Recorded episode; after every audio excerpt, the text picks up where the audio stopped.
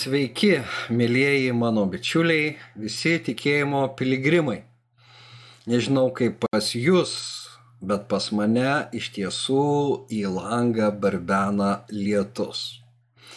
Ir jei per šį adventą, kam ir tenka paliūdėti, nepamirškime Dievo žodžių.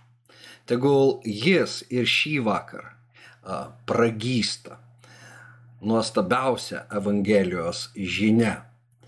Ir nors Saulė į žiemą, šis tamsus, tikrai nelabai malonus metas, tegul virsta mūsų širdžių kilimu į dangų.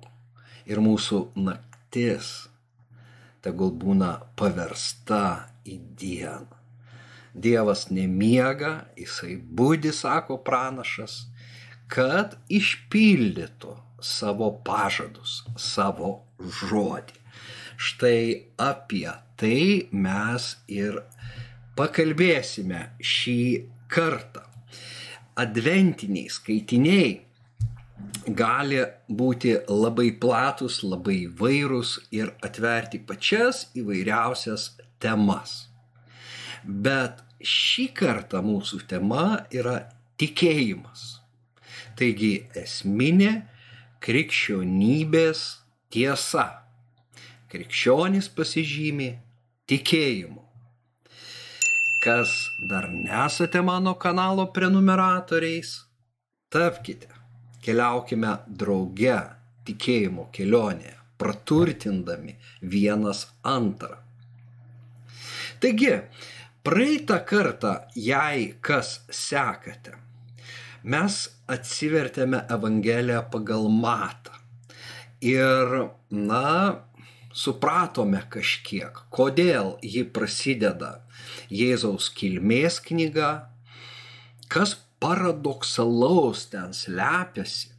Na ir ta istorija apie žynius iš rytų be abejo yra skandalinga. Juk, na, Dievo tauta su pagonimis nieko bendro neturi. Juo labiau su žyniais, su kitų dievybių skleidėjais. Tačiau būtent jie, pasak mato, atvyko pagarbinti gimusio žydų karaliaus. O štai Jeruzalės miestas, na, netikras karalius Erodas net nesiuošė na, laukti, domėtis tuo, kas pildėsi jų dienomis Dievo veikimu priešingai. Jų nuostatos buvo kovoti su tuo, ką daro Dievas. Na, o šiandien mes atsiverskime Evangeliją pagal Luką. Lukas uh, deda visai kitur akcentus ir jo pasakojimas atkreipia dėmesį į kitus žmonės, išryškina jų charakterį. Na ir tuose uh, aprašymuose aš matau vėlgi tam tikrą atsikartojantį teminį motyvą ir a, į jį aš ir norėčiau atkreipti dėmesį. Taigi, a, štai tekstas skaitykime. Judėjos karaliaus Erodo dienomis buvo vienas kunigas vardu Zacharijas iš abijo pamainos.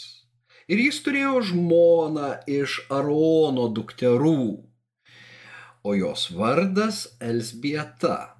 Jie abu buvo teisūs Dievo akivaizdoje, nepriekaištingai eidami visų viešpaties įsakymų ir nuostatų keliu.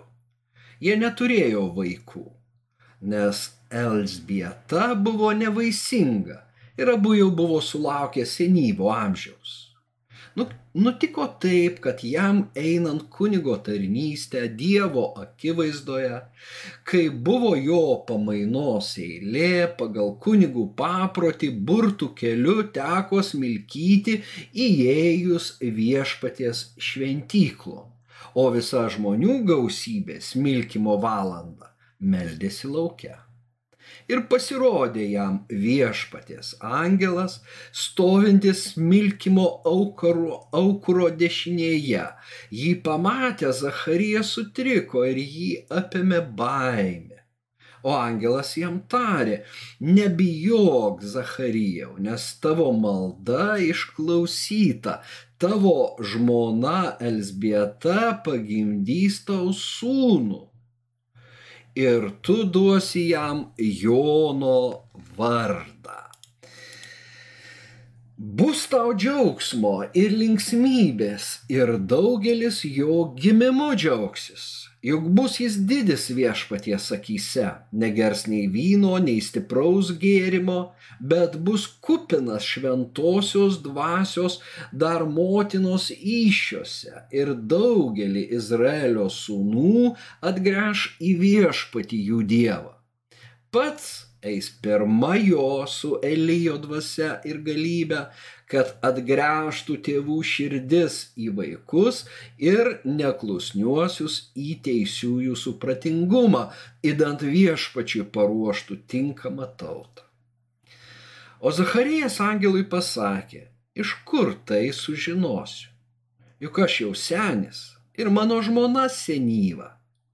Atsiliepdamas angelas jam tarė, aš esu Gabrielius, stovintis Dievo akivaizdoje esu siūstas kalbėti su tavimi ir tau paskelbti šitą gerą žinią.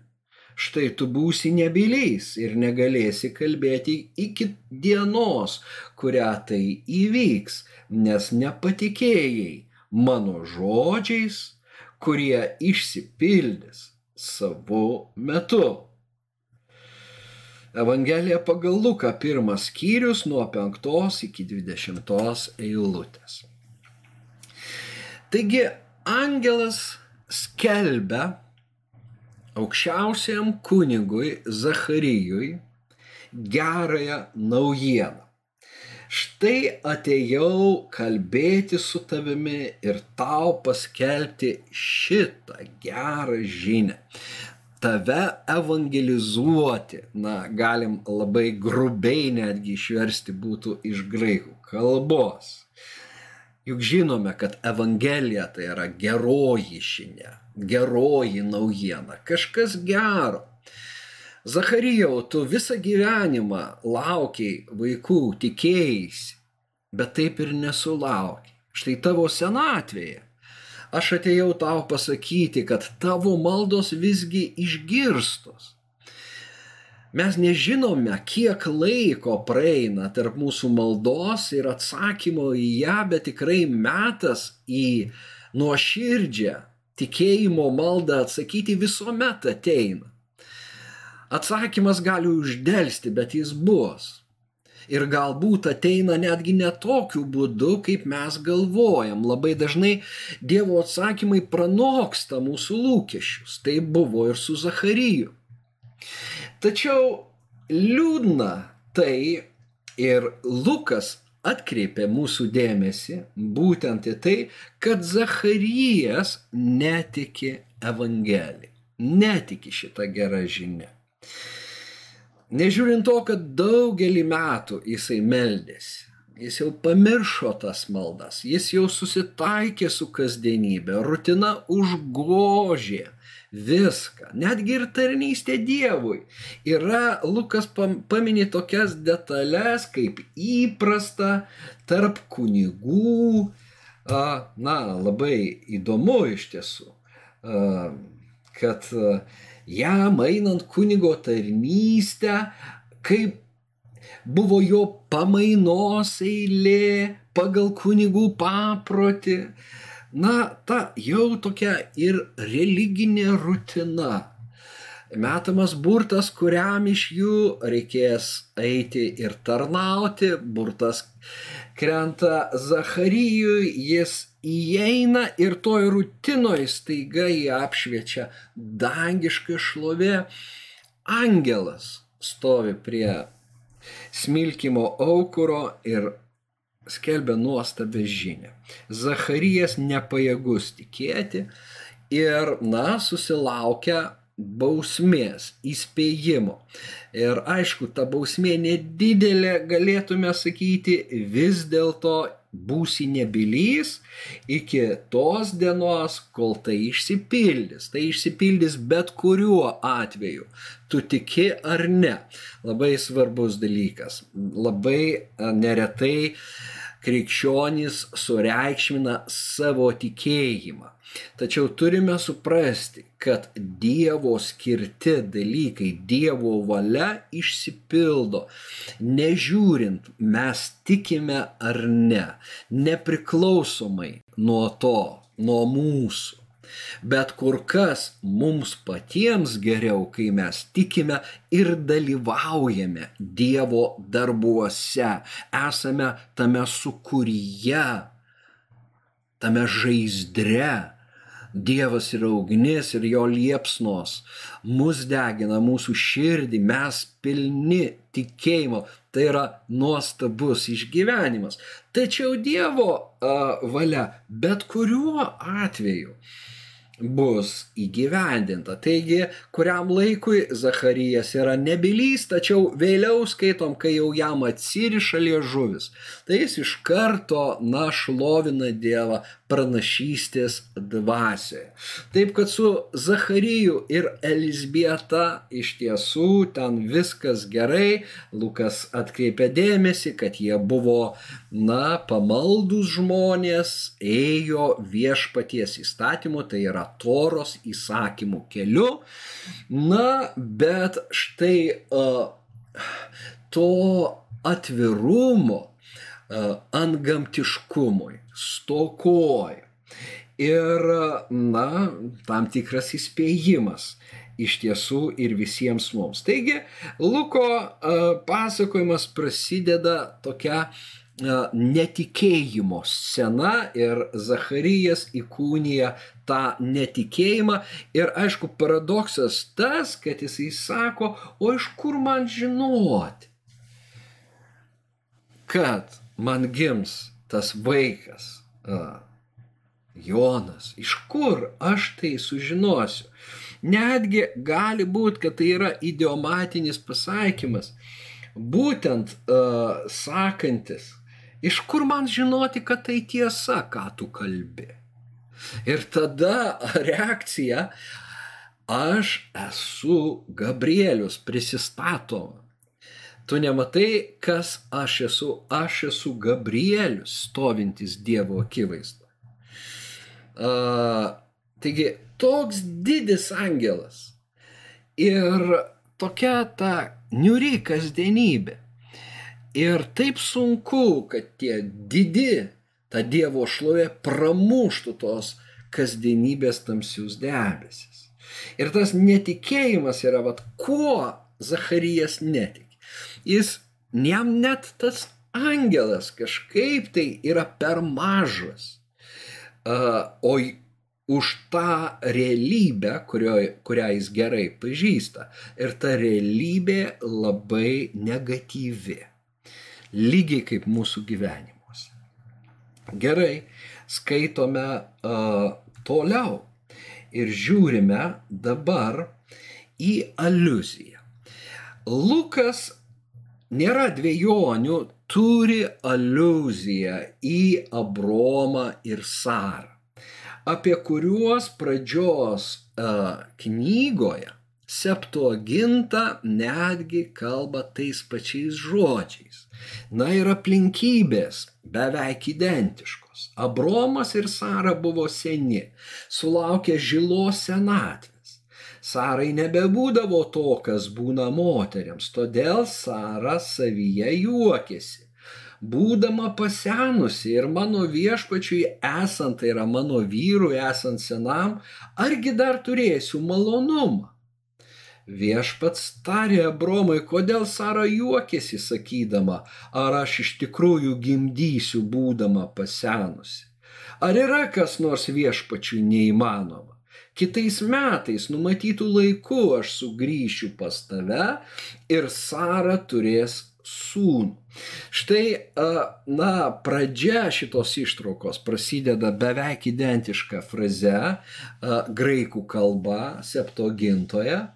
Na ir tas sakinys, retorinis klausimas, kurį aš paryškinau, ar yra kas nors viešpačiui neįmanoma, vėl nuskamba Luko pasakojime, tik tai jau Gabrieliaus pokalbėje su Marija.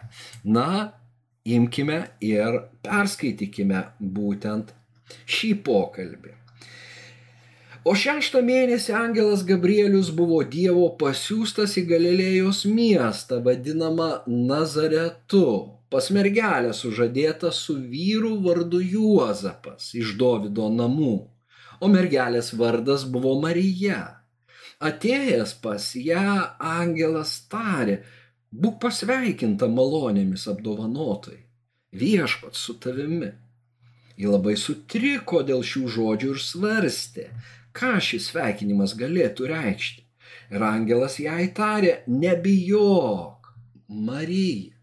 Tu radai malonę pas Dievą, štai tu pradėsi įšiose ir pagimdysi sūnų ir duosi jam Jėzaus vardą jis bus didis ir vadinamas aukščiausiojo sūnumi.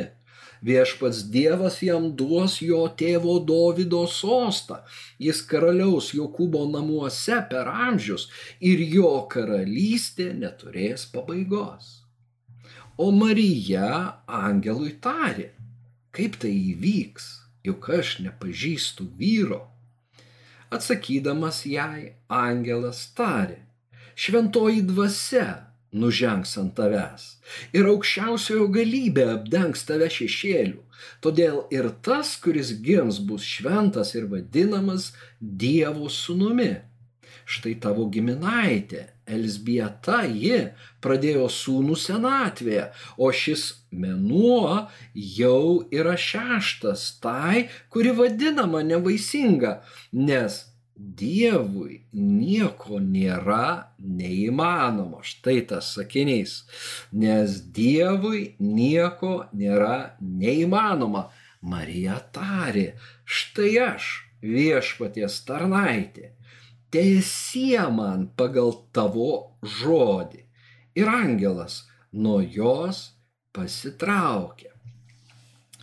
Na, čia mes matome priešingą reakciją po angelo žinios nei Zacharyjo. Marija tiki ir pasako šituos nuostabius žodžius. Štai aš viešpatės tarnaitė, kiek man tai be kainuos, o kainuoti galėjo net jos gyvybę, ir tiesie man pagal tavo žodį tai, ką tu pasakėjai, yra aukščiau už mano suvokimą, bet tai yra tavo žodis, kuriuo aš tikiu, nors šitų žodžių nėra, tuoj mes juos išgirsime. Būtent Elsbietos lūpose patvirtinančios, kad Marija patikėjo angelo paskelbta žinia tiesie man pagal tavo žodį. Tuo tarpu Zacharijas sakė, iš kur man žinoti, kad tavo žodžiai yra tiesa. Kadangi tu nepatikėjai mano žodžiais, atsako Gabrielius. Na, būsi nebelys kurį laiką, bet vis tiek išsipildys tai, ką aš pranešiau tau.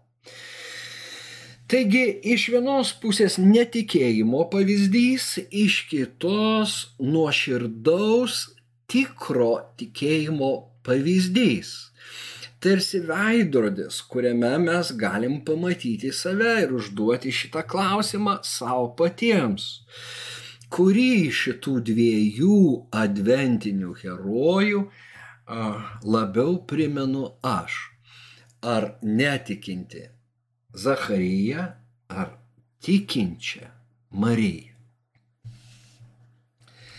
Skaitome tą dar vieną nedidelį epizodą, kadangi angelas paminėjo jos giminaitę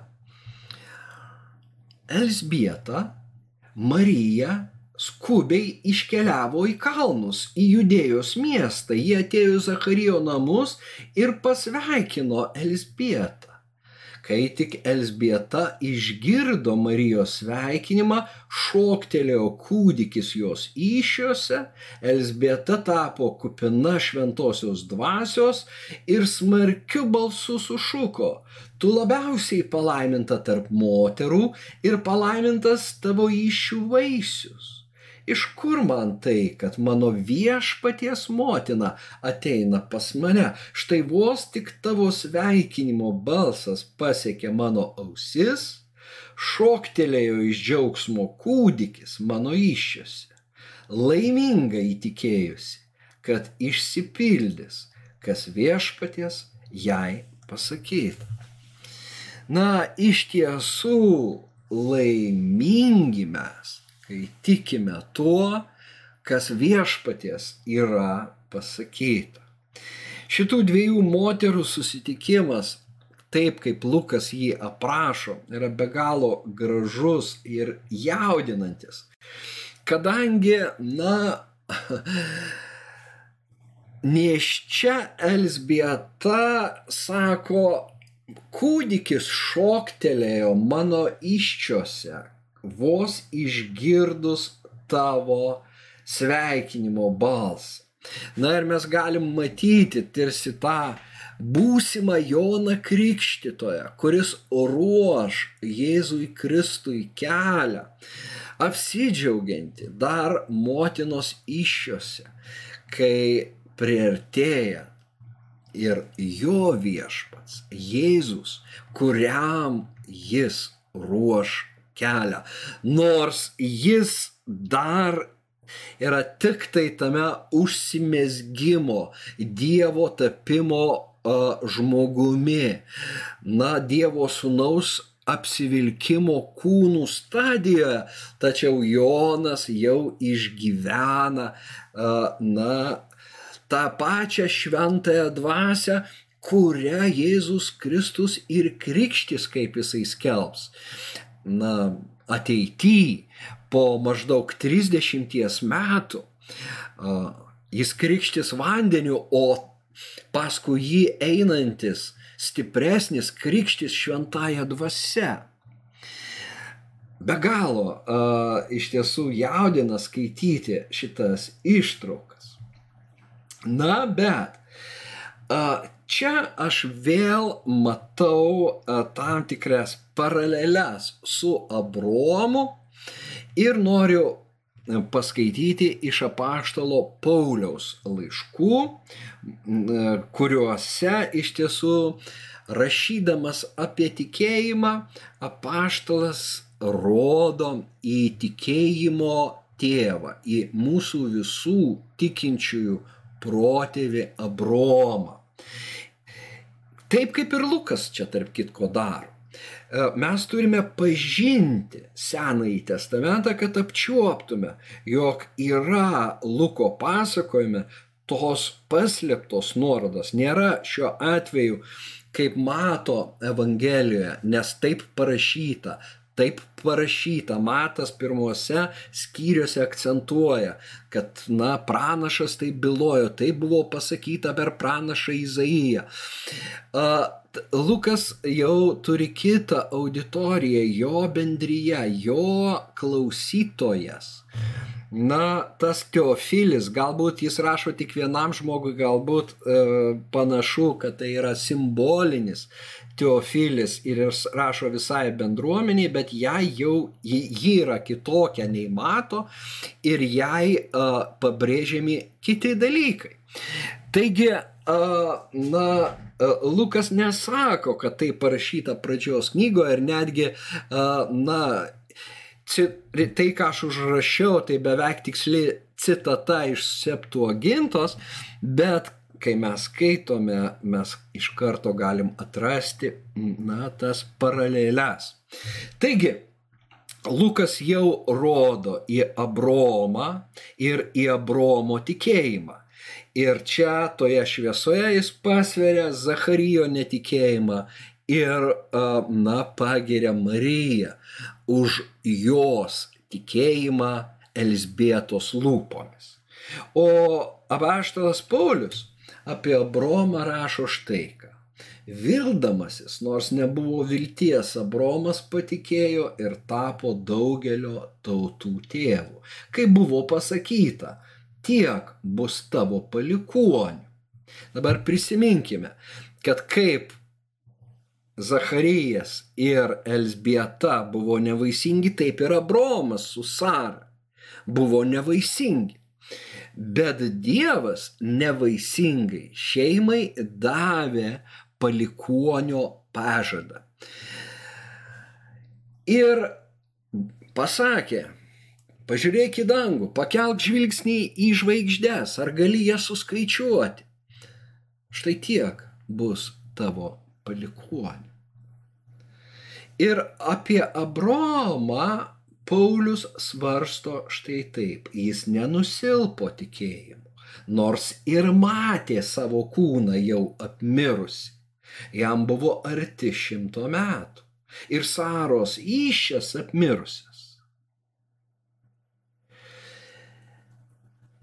Nenusilpo tikėjimu, o neprarado tikėjimu, ne suabejojo Dievo pažadu.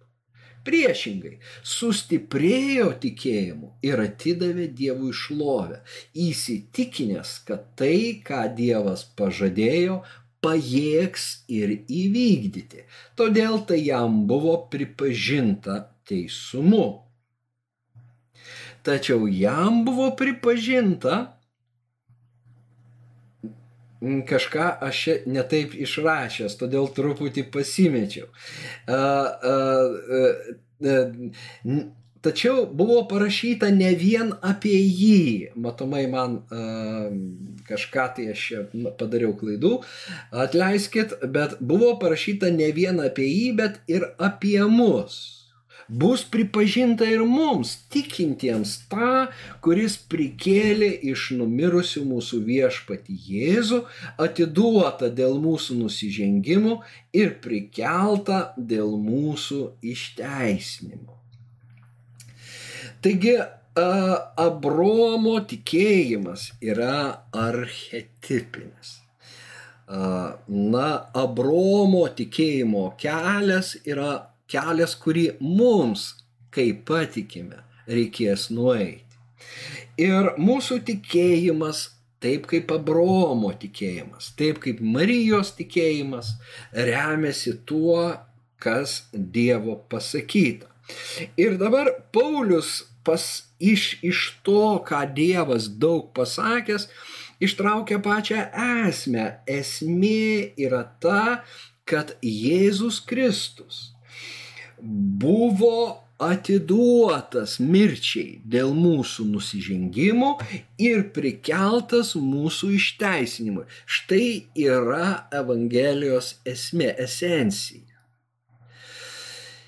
Ir jeigu mes tuo tikime, nors ir nematome, Abromas matė savo apmirusi kūną, Mes galbūt matome savo apmirusį gyvenimą, kur mes darom klaidų, nusižengiam, padarom nuodėmių, netitinkam Dievo standartų. Žodžiu, mūsų gyvenimas, lyginant su Jėzumi, regis tolimas. Tačiau taip kaip Abromas nepasidavė netikėjimu, nesuabejojo Dievo pažadu, neprarado tikėjimu, taip svarbu ir mums. Ta pačia žinia iš tiesų ir Lukas nori perteikti, pasakodamas apie Adventą, apie tai, kad Jėzus gims. Ir štai Zacharijas pasiduoda netikėjimu. Jis suabejoja tuo, ką kalba angelas. Ir iš tiesų ta regimybė užgožia neregimybę. Priešingai nei Marija, kaip jau tą ir pamatėme. Todėl apaštalas Paulius tą įvardina dar kitoj vietoj ir jis įvardina iš tiesų du dalykus, kurie iš mūsų jau skaitytos ištraukos turėjo na, mums uh, įsiminti. Pirma, tai yra Dievo pažado svarbą ir antra, neregimybės. Žvilgsnį į anapusybę, žvilgsnį į tai, kas neregima. Štai šitie du dalykai yra dvi sudėdamosios krikščioniško tikėjimo dalis. Du dėmenys, be kurių na, neįmanoma tikėti. Juk kiekvienas, kuris šauksis viešpaties vardo, bus išgelbėtas. Taip skelbė pranašas. Tačiau kaip jie šauksis to, kurio neįtikėjo, kaip tikės tą, apie kurį negirdėjo, kaip išgirs be pamokslininko, kaip pamokslaus, jeigu nėra pasiusti. Juk parašyta, kokie gražų žingsniai gerosios naujienos skelbėjai. Bet ne visi pakluso Evangelijai. Antai Izaijas sako, viešpatie, kas patikėjo mūsų žinia. Taigi tikėjimas iš girdėtos žinios, o žinia per Kristaus žodžius mes matome, kokia svarbi yra Evangelija, kokia svarbi yra žinia. Ir tikėjimas visuomet remiasi girdėta žinia. Tas graikiškas žodis galėtų būti, na, ir klausimas, kai kurie vertėjai verčia. Bet iš tiesų tai yra girdėta ausimis, girdėta žinia jinai be galo svarbi, na, mums tikintiesiems. Prisiminkime, kad ir Jėzus sakydavo, ne vieną savo palyginimą jis baigdavo žodžiais, kas turi ausis klausyti, te klaus. Tikėjimas, išklausim. O kaip mes klausom? Ar mūsų ausis atvertos tam, ką šventoji dvasia šnipžda, ką ji kalba bažnyčioms šiuo metu. Ką ji kalba man asmeniškai. Kiek man svarbus yra Dievo žodis. Štai šitie klausimai, kuriuos turėtume kelti, ypač advento metu. Dar Jėzus sako, žiūrėkite, kaip klausotės. Juk kas turi, tam bus duota, o kas neturi, iš to ir tai, ką manosi turys, bus atimta. Taigi, žiūrėkime, kaip mes klausomės, nes tai apsprendžia mūsų tikėjimo kokybę, mūsų tikėjimo tvirtumą ir gilumą. Ir žinia, jinai skamba, be abejo, žinia yra Evangelija visos Evangelijos. Be abejo, žinia yra visas šventasis raštas. Tačiau tik tai palenkę savo ausį mes pradedame girdėti, kaip tas šventasis raštas koreliuoja su mūsų dienomis. Kaip tos atskiros istorijos prakalba, mus prakalbina mano gyvenime, mano situacijoje. Ir ką aš turėčiau pataisyti, kaip aš turėčiau pakreipti save suliktai žodžiais pagal tuos žodžius arba bent jau įsileisti tą dvasę, kuri kalba tuos žodžius. Nes taip jau yra su Dievo žodžiais. Kaip Marija pasako tiesie pagal tavo žodį, jinai priema ir tą šventąją dvasę, kuri užmesga joje šventai Kai mes atsiveriam ir sakom tiesie pagal tavo žodį, pati šventoji dvasia pradeda tą antgamtinį na, tapsmą, mūsų tapsmą Dieve ir vyksmą, mūsų dalyvavimą Dievo darbuose. Tačiau girdėti, palenkti ausį atverti savo širdį, net jeigu tai kainuoja. Va, va kur.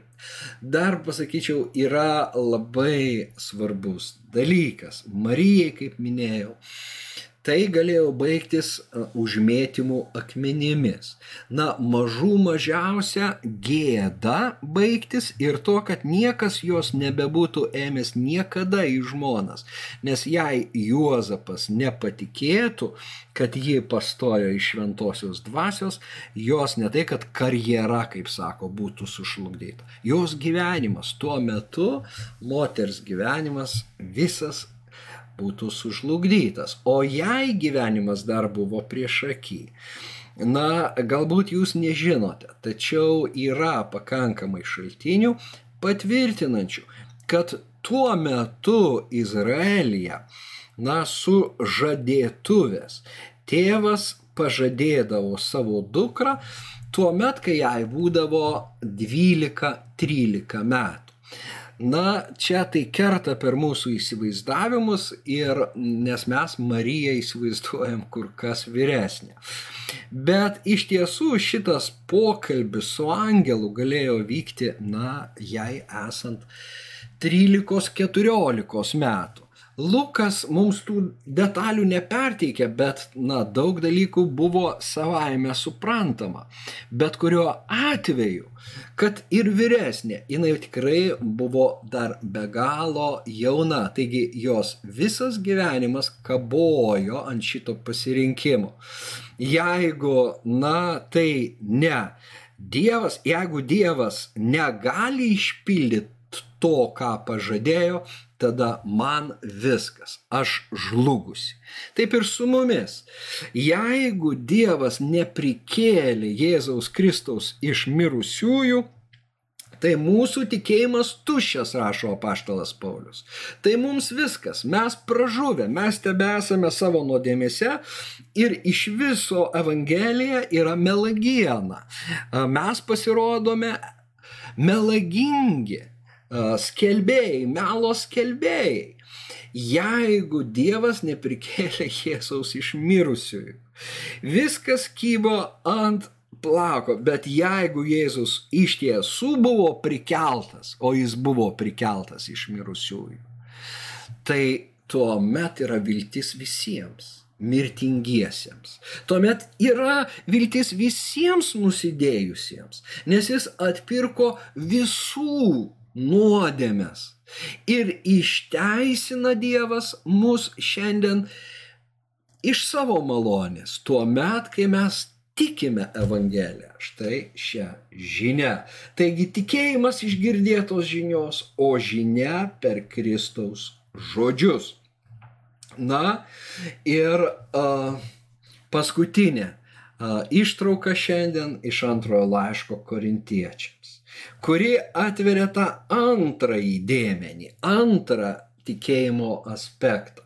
Kadangi turime tą pačią tikėjimo dvasę, apie kurią parašyta, tikėjau, todėl kalbėjau, mes tikime, todėl kalbame, žinodami, kad tas, kuris prikėlė viešpati Jėzų ir mus prikels su Jėzumi, bei kartu su jumis pastatys šalia savęs.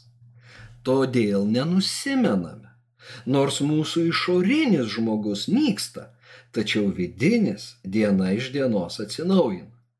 Laikinas ir lengvas mūsų vargas mums ruošia nepalyginamai svaresnę amžinąją šlovę, mums žvelgiant ne į tai, kas regima, bet į tai, kas neregima. Nes kas regima laikina, o kas neregima amžina. Vėlgi labai uh, tampriai susijusi ištrauka su mūsų jau skaitytais evangeliniais pasakojimais, Luko pasakojimais. Ir Abromu, kuris nors ir regėjo savo apmirusi kūną, tačiau neprarado tikėjimo. Čia apaštalas sako, kad mūsų išorinis žmogus nyksta. Jis iš tiesų, na, yra toj nykimo vergystėje. Viskas fizinėme pasaulyje trūnyje, nyksta. Ir mūsų kūnas fizinėme pasaulyje taip pat yra dalis šito proceso. Tačiau mūsų vidinis žmogus, štai va ta širdis, kuria tikima, jinai diena iš dienos atsinaujina. E, kai mes regime Dievo šlovę, kai mes žiūrime į tai, kas neregima. Tai va čia yra tas antrasis aspektas. Pirmasis - įsiklausyti į tai, ką Dievas kalba, remtis tuo, ką Dievas kalba, pačiam kalbėti tai, ką Dievas sako ir žvelgti anapusybę pasistengti nukreipti žvilgsnį toliau nei tai, kas arti, nei tai, kas šiapus. Nes šiapus iš tiesų jis paminė, yra vargas. Yra vargas. Tačiau Paulius sako, tai lengvas vargas lyginant su ta šlove svaria šlove. Čia yra, na, hebraizmas, kur šlovė turėjo svorį. Na, mes sakom, didi šlovė, o pas juos sunki šlovė. Ir todėl aš manau, kad yra teisinga išlaikytai ir verčių ruošia nepalyginamai svaresnę amžiną šlovę už tą lengvą vargą kurį mes patiriam. Taigi priminkime savo, kad mūsų vargai, kokie dideli mums jie beatrodytų, iš tiesų yra lengvi, lyginant su šlove, į kurią esame pašaukti, kurią Dievas mums tikrai atvers. Ir dabar tomis apriškimo akimirkomis, susilietimo su juo akimirkomis duoda paragauti, duoda pamatyti, jos blyksnius. Gyvenkime tikėjimo dvasia. Te padeda mums Dievas, jo artumo, malonės, ramybės linkėdamas atsisveikinu iki kitų kartų.